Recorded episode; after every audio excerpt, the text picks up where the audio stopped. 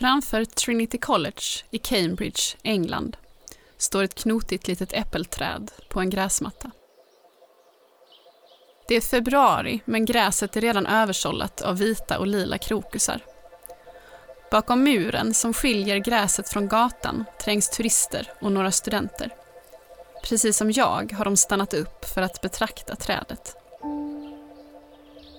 Äppelträdet vi tittar på sägs vara en stickling från det berömda träd som Isaac Newton satt vid när han för 350 år sedan började fundera över varför äpplen faller neråt. Det är en scen så bra att den måste vara sann. Den förbjudna kunskapens frukt träffar den store vetenskapsmannen i huvudet och väcker den tanke som på sikt ska revolutionera allas vår världsbild. Varför faller äpplen neråt? För att jorden drar i dem. För att den här planeten, i likhet med alla andra himlakroppar, med sin tyngd utövar en kraft som får mindre ting att falla mot dess centrum. Newtons gravitationslag utgick ifrån äpplets neddimpande och kunde ur denna triviala händelse förklara hela solsystemets harmoniska himlaspel.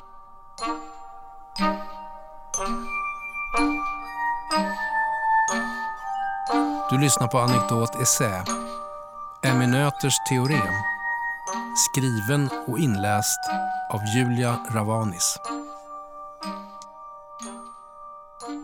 Tre och en halv kilometer från Newtons Trinity College ligger ett annat, inte lika berömt, college. Girton College var under den första halvan av 1900-talet det ena av två kvinnocollege i Cambridge. Hit lockades de mest framstående kvinnliga forskarna i Europa. En av dem var den tyska matematikern Emmy Noether.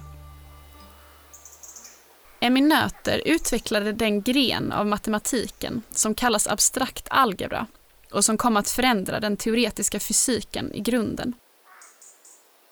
Under 1910-talet samarbetade hon med Albert Einstein. Det var samtidigt som Einstein formulerade den allmänna relativitetsteorin, vilken så småningom kom att ersätta Newtons förståelse av gravitation. Emmy Noether spelade en avgörande roll i att kasta om den newtonska världsbilden. Ändå är hon i stort sett okänd. Jag hörde talas om Emmy för första gången under en föreläsning för några år sedan. Föreläsaren berättade bland annat att Emmy under lång tid undervisade under en mer berömd manlig matematikers namn. Jag blev nyfiken. Vem var egentligen denna Emmy Nöter? Vad hade hon för relation till den andra matematikern? Vilka drivkrafter fick henne att slå sig fram i 1910-talets för kvinnor så hårda akademiska värld? När föreläsningen var slut gick jag och köpte kaffe. Tänkte på något mer brådskande. Men bilden av Emmy, som formulerat ett av de mest inflytelserika teoremen i modern fysik och som bidrog till övergången från Newtons till Einsteins universum, har aldrig riktigt lämnat mig. Teoremet som är uppkallat efter Emmy Noether beskriver upprepningsbarheten i naturen och dess betydelse för vetenskapen. Det fångar själva förutsättningarna för den vetenskapliga metod som utvecklades under Newtons 1600-tal. Genom systematiska upprepningar av experiment och abstrakta beskrivningar av händelseförlopp visade det sig möjligt att komma fram till hur naturen på ett generellt plan fungerade. Nöters ekvationer beskriver fysikens tidlöshet, villkoren för de naturlagar som förbinder Newtons tid med vår egen. Emmy själv var dock fast i sin egen tid. Anledningen till att hon alls övervägde att ta en tjänst vid Girton College i Cambridge var att hon tvingades fly undan nazismen på 1930-talet. Girton var ett av två kvinnocollege som välkomnade Emmy efter Hitlers maktövertagande i Tyskland.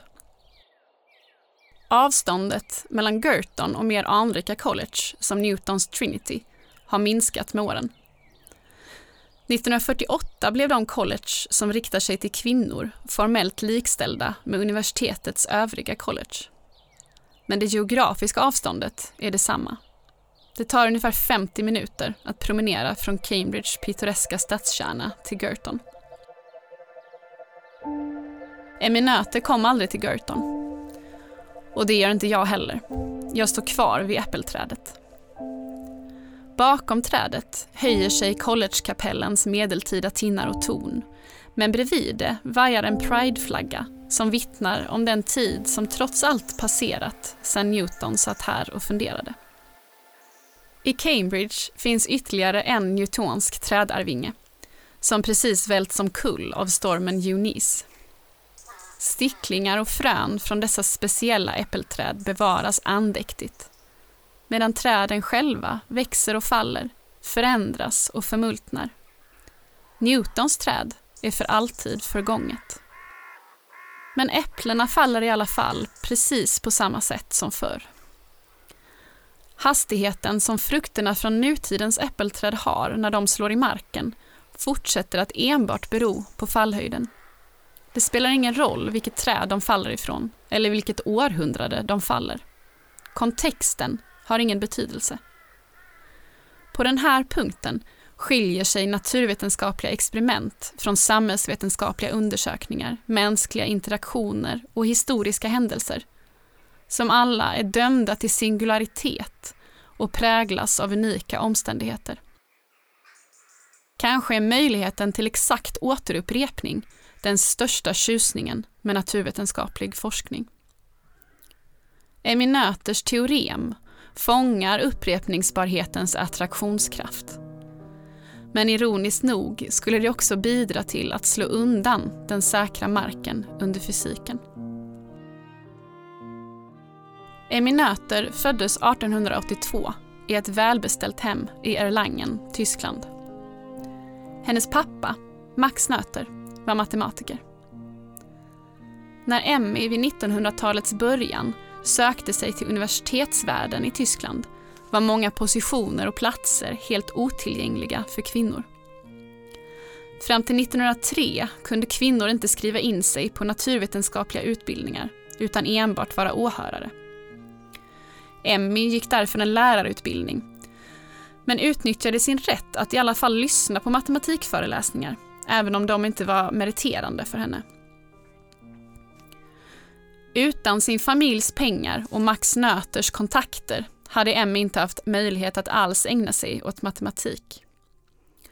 Trots att hon lyckades doktorera i ämnet 1907 dröjde det många år innan hon kunde försörja sig själv. I åtta år undervisade hon sin fars studenter utan lön vid Erlangens universitet. Via sin pappa lärde hon känna de berömda matematikerna Felix Klein och David Hilbert som bjöd in henne till universitetet i Göttingen när de insåg hur matematiskt begåvad hon var.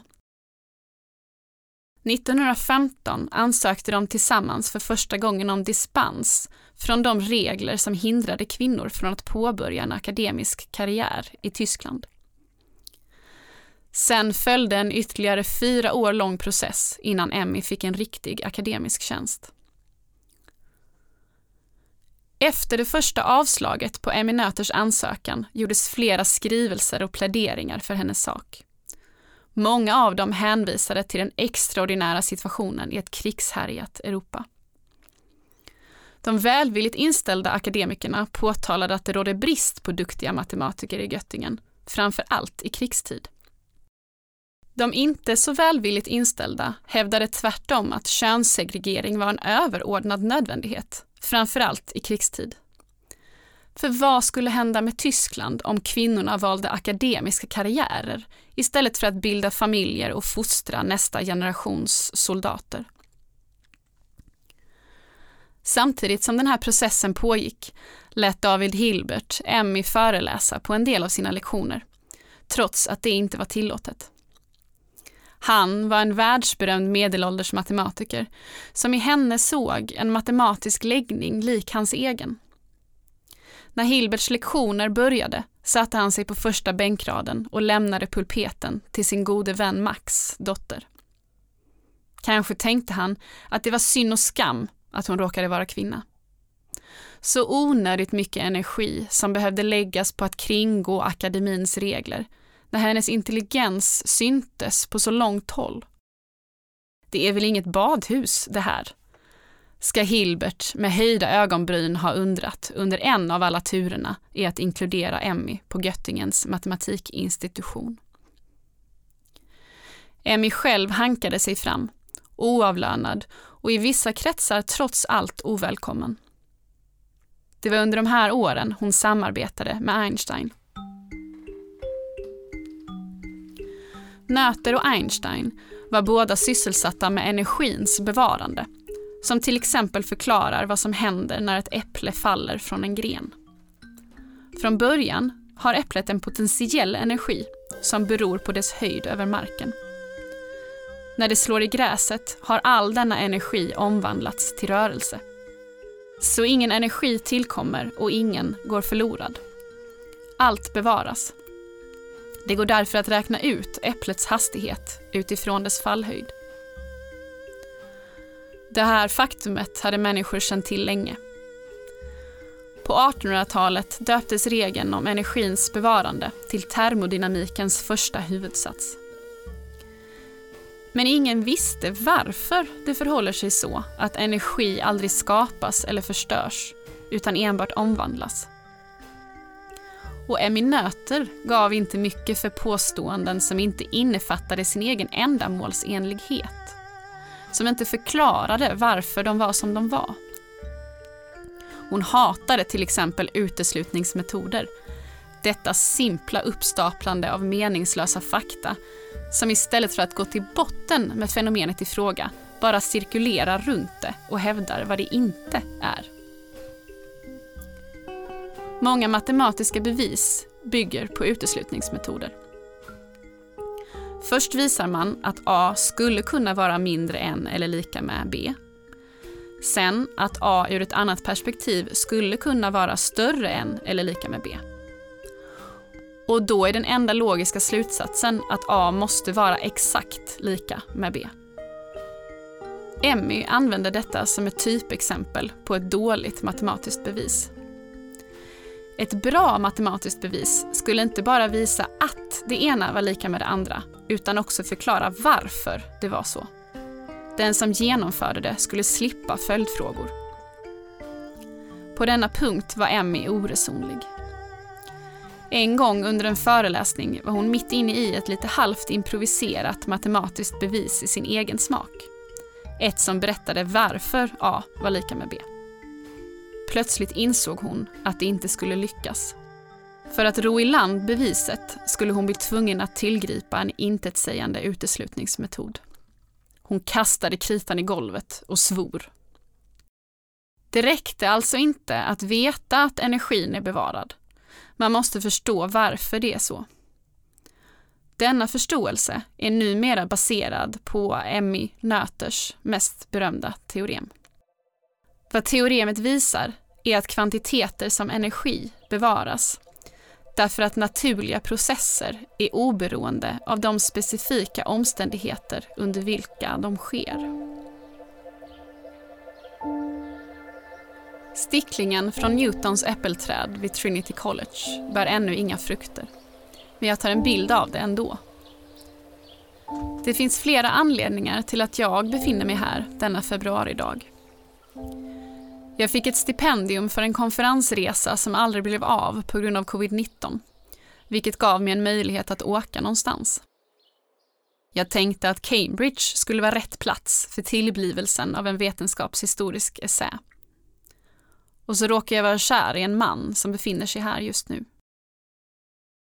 Det här hade blivit en helt annan essä om den hade skrivits på en annan plats än denna. I en människas liv är platser och tidpunkter helt avgörande. Nöters teorem står i direkt motsats till den erfarenheten eftersom teoremet handlar om vad som händer när händelser är helt oberoende av sådana konkreta omständigheter. Detta oberoende kallas för en symmetri. Det symmetriska är proportionerligt och perfekt nästan på gränsen till tråkigt. Det finns ingen skevhet i symmetrin, ingen detalj som rubbar den visuella balansen. Och det är ofta skevheterna och de unika detaljerna en betraktare minns. Det är därför filmstjärnorna förr i tiden målade skönhetsfläckar ovanför sina perfekt symmetriska läppar. Det som gör symmetrin tråkig och mindre minnesvärd är dess förutsägbarhet. Efter en första anblick vet man hur det symmetriska ser ut, även från de vinklar man själv inte sett. Ett klot ser till exempel likadant ut från alla håll. I vetskap om klotets perfekta symmetri räcker det att kasta ett snabbt öga på det för att bilda sig en uppfattning om dess storlek. Sen kan man lugnt luta sig tillbaka och konstruera en tredimensionell ritning som överensstämmer med verkligheten. Perspektivet kan förändras utan att klotet byter skepnad. Betraktarens utgångspunkt spelar ingen roll. Klotet är rotationssymmetriskt, oberoende av riktningar. Och Emmy Nöters teorem visar att det är därför klotet inte tippar åt något håll när det snurrar. Det bevarar sin balans, eller sitt rörelsemängdsmoment. För två klot som krockar, till exempel på ett biljardbord, spelar det heller ingen roll var krocken sker. Så länge bordet inte är skevt eller underlaget alltför slitet är det bara klotens positioner i förhållande till varandra och deras utgångshastigheter som avgör hur lyckad träffen blir. För att lära sig spela biljard behöver man därför inte besöka alla barer eller provskjuta på vartenda biljardbord. En krock mellan två kulor är oberoende av plats eller symmetrisk i rummet. Och därför är kulornas totala rörelse, alltså deras rörelsemängd, bevarad genom stöten. Hastigheterna omfördelas mellan kulorna, men deras gemensamma fart förblir konstant. Rörelse är en viss typ av energi. Sen finns det andra. Till exempel den potentiella energi som vilar i ett utgångsläge högt över marken och som omvandlas till rörelse när ett föremål faller. Ett sådant fall ser likadant ut oavsett när det sker. Detsamma gäller en krock mellan två biljardkulor. Det spelar ingen roll för händelseförloppen om de utspelar sig på dagen eller natten, på medeltiden eller idag, så länge de övriga förutsättningarna är likadana. Det räcker att analysera ett enda experiment för att kunna förutsäga vad som kommer att hända i nästa. För fysikaliska händelser är oberoende av tidpunkt. De är symmetriska i tiden. Och det är denna symmetri som enligt Nöters teorem gör att den totala energin i ett händelseförlopp är bevarad. All potentiell energi omvandlas till rörelse när något faller. Ingen energi går förlorad. Emmy Nöter samlade ihop allt detta i en enda ekvation. Riktningsoberoendet och bevarandet av balans, platsoberoendet och bevarandet av rörelse, tidsoberoendet och bevarandet av energi. Balans bygger på riktning på ett intuitivt sätt. Likaså rörelser på position. Energi utgår från tid på ett mer dunkelt sätt. Energi är ett mått på hur mycket som händer inom en viss tidsrymd. Hur många gånger en pendel svänger per sekund. Hur mycket elektricitet vi förbrukar på en timme. Hur mycket näring vi förbränner på en halvtimmes lång löprunda. Nöter var en matematiker med en förkärlek för abstraktion. Detta är smärtsamt tydligt för den som försöker förstå hennes teorem. Det består i en mäktig men svårtydbar generalisering. För att någonting ska kunna bevaras måste det finnas ett oberoende av dess konkreta utgångspunkter, en symmetri.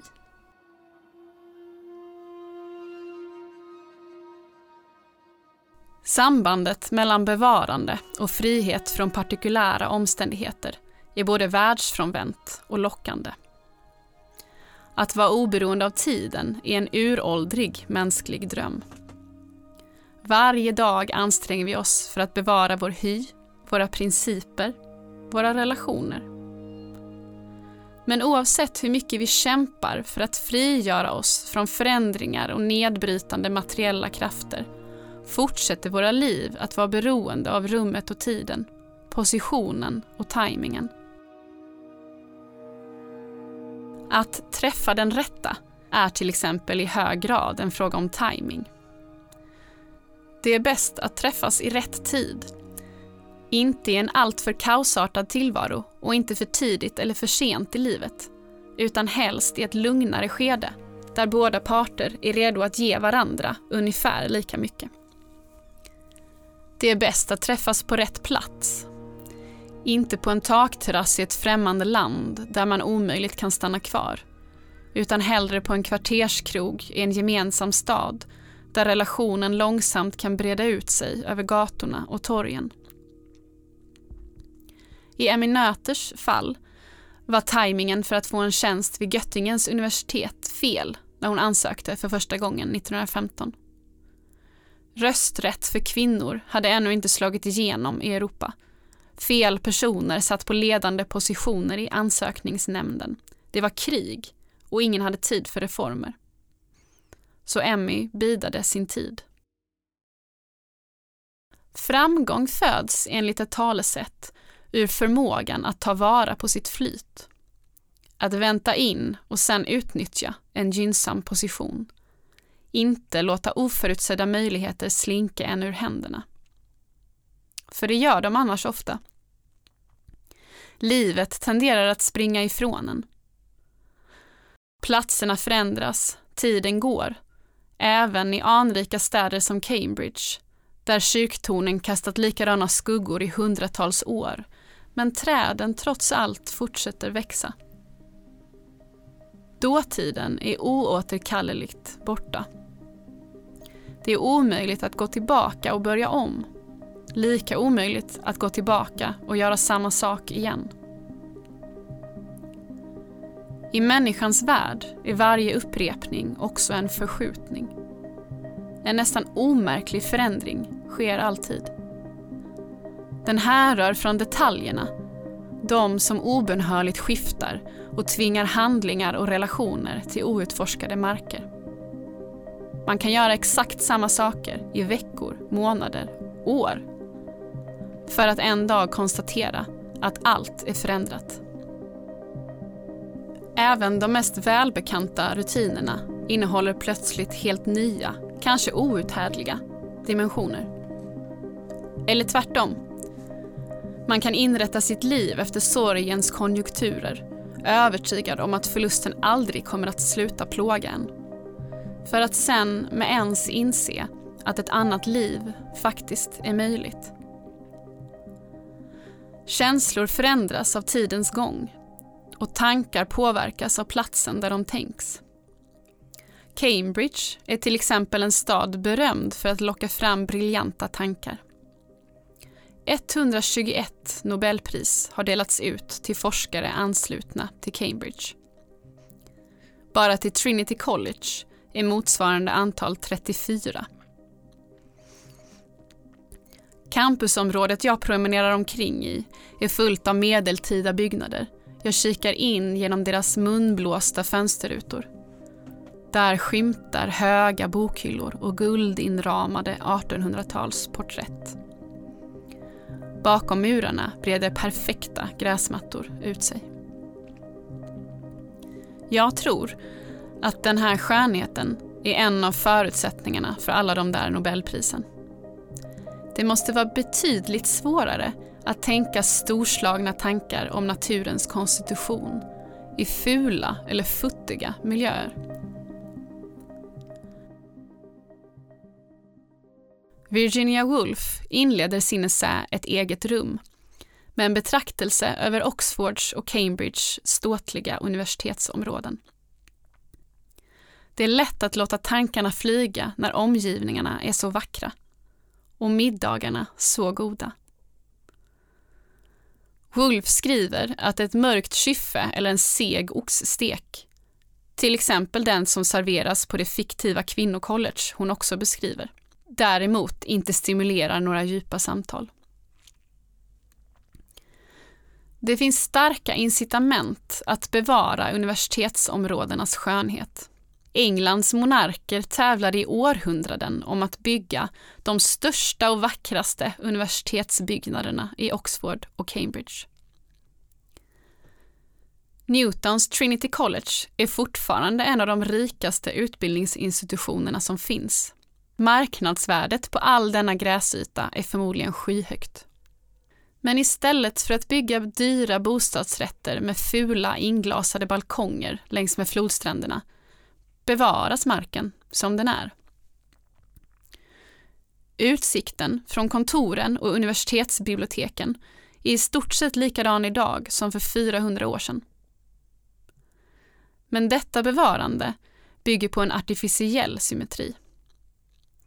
Över gräsmattorna i Cambridge rör sig en hel stab av arbetare beväpnade med gräsklippare, kantklippare, hackor och spadar som minutiöst bekämpar varje litet grässtrå som skulle kunna vittna om att tiden fortgår även här.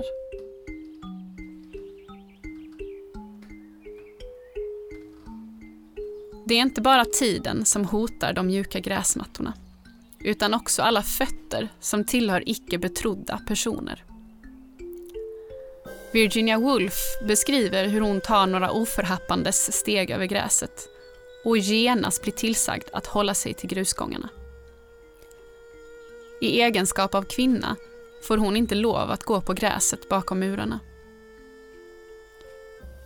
Nu för tiden är regeln uppdaterad till en könsneutral version. Men det är enbart seniora forskare som får lov att beträda gräset. Sådana som jag får därför fortfarande snällt följa uppmaningen på de många skyltar som omger gräsmattorna. Keep off the grass. Platser så tunga av traditioner och vetenskapshistoriskt herravälde välkomnar vissa, men inte andra. Så var det också i Göttingen, det tyska matematikcentrum som Emmy Noether kämpade för att tillhöra på 1910-talet. Det spelade ingen roll att det var hennes ekvation, inte Einsteins, som äntligen hade förklarat varför energin är bevarad i naturliga processer. Hon var kvinna och därför fick hon inte göra akademisk karriär. De många försöken att trotsa dessa regler var ingen feministisk kamp.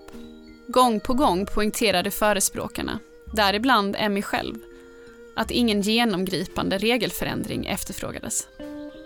Det rörde sig bara om ett undantag. Kvinnor i allmänhet behövde inte ges åtkomst till den akademiska karriärstegen. Det var bara Emmy Nöters exceptionella begåvning man så gärna ville ta vara på. Vid den här tiden kallar de många kollegorna och vännerna henne för Der Nöter med maskulin artikel. Emmy Nöter är ingen riktig kvinna. Hon pratar högt och fort och alldeles för mycket. Inte sällan om obegripliga matematiska teorem. Hon beskrivs som kort och oelegant. Hon klär sig i mörka, oformliga kläder. Ofta bär hon manshatt. Hon gifter sig aldrig.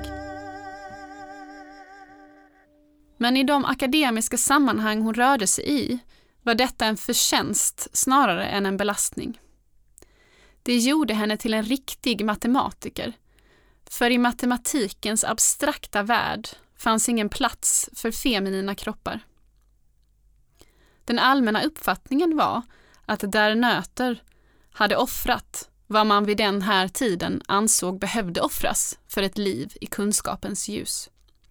Sin kvinnliga åtråvärdhet och därmed även sin egen åtrå. För detta blev hon inte bara hånad, utan också respekterad. Hon blev en i gänget, eftersom hennes kön gick att bortse från.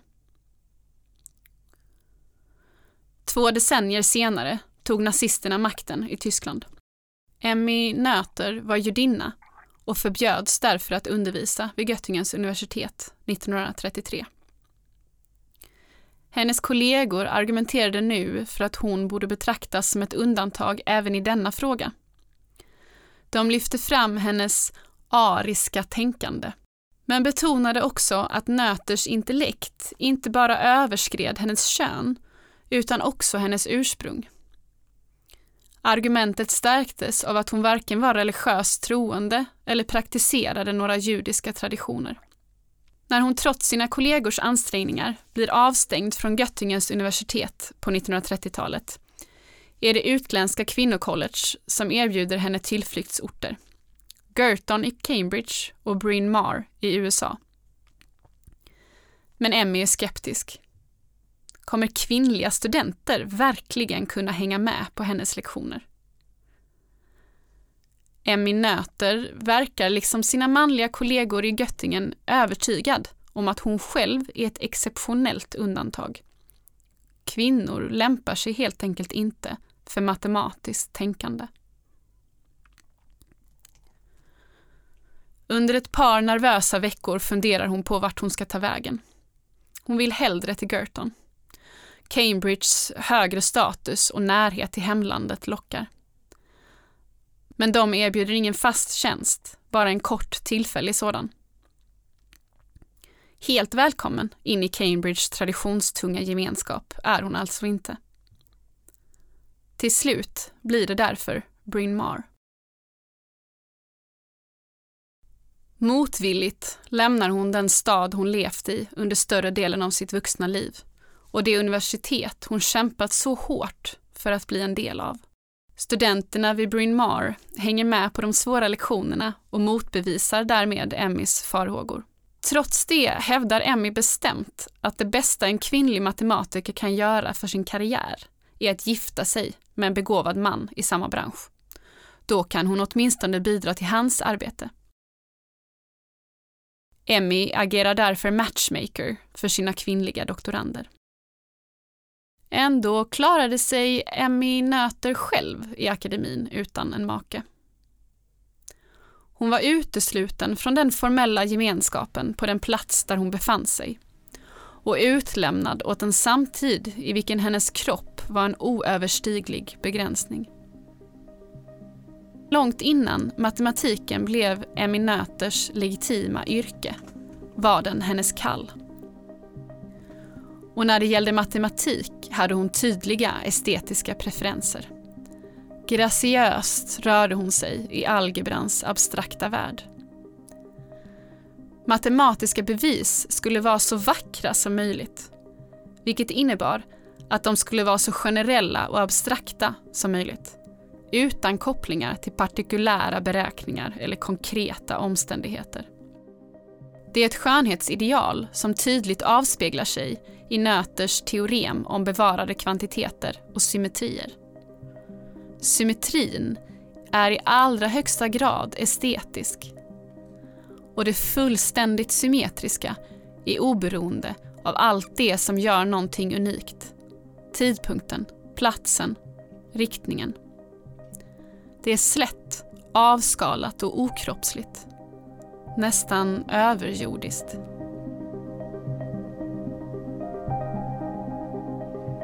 Men det går inte att frigöra sig från sin egen kropp och livets förgänglighet. Emmy Nöter fick cancer på 1930-talet. Hon hade en tumör i livmodern, det organ hennes kollegor skämtsamt hävdade att hon saknade. I efterdyningarna av en misslyckad operation dog hon, bara 53 år gammal. Under begravningen höll matematikern och Emmys nära vän Herman Weil ett tal. Han riktade sig till Emmy i talet och sa Det fanns inget milt eller välbalanserat hos dig. Du var inte lera som Gud med sina händer gav en harmonisk form utan snarare ett primitivt mänskligt stenblock som han andades in kreativ livskraft i. Din genialitet tycktes överstiga ditt köns gränser. Det hade Emmy nog tyckt om att höra.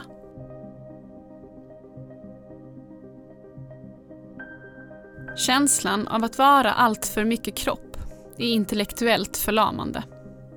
En enda blick kan frammana ett sådant tillstånd. Det känns Som om kroppen växer medan idéerna skrumpnar ihop. De analytiska resonemangen blir omöjliga att föra. Man har ingenting att säga längre, inga åsikter, inga kommentarer. Kvar finns bara kvinnokroppen. Jag har fått sådana blickar. Därför vet jag hur befriande det kan vara att undslippa sin kropp för en stund. Att få vara i ett rum utan iakttagande ögon. På en plats utan störande moment. Virginia Woolf skriver om Cambridge. När man vandrade fram mellan de där collegebyggnaderna, förbi de ålderdomliga hallarna, var det som om alla det närvarande ögonblickets kantigheter hade jämnats ut. Det var som om ens kropp hade varit innesluten i ett underbart glasskåp som inte ett ljud kunde genomtränga och där tanken, befriad från varje beröring med fakta, för så vitt man inte än en gång inkräktade på gräsmattan, efter eget skön kunde slå sig på den fundering som den för ögonblicket var bäst samstämd med.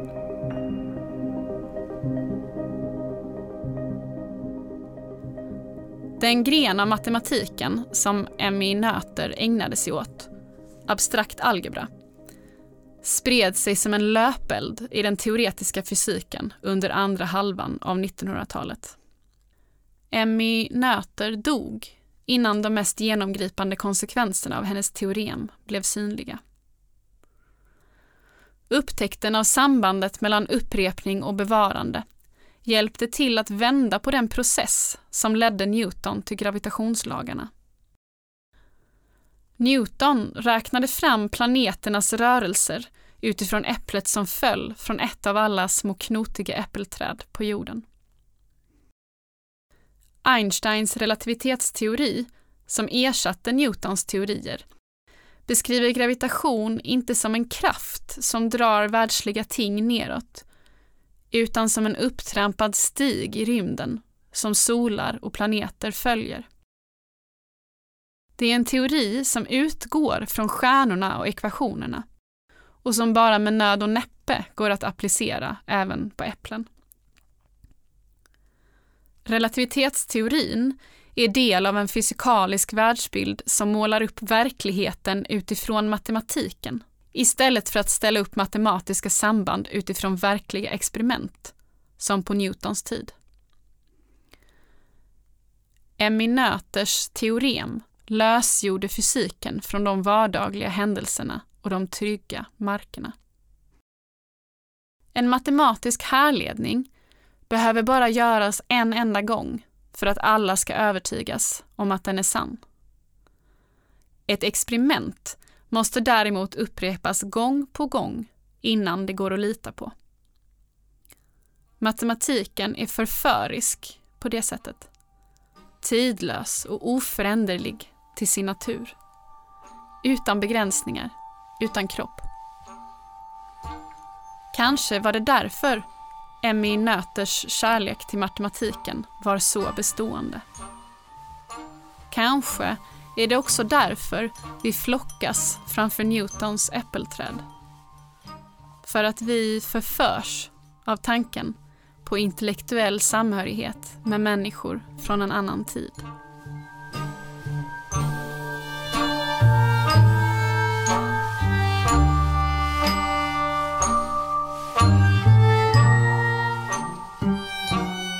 Du har lyssnat på Anekdot Essä en del av bildningsmagasinet Anekdot.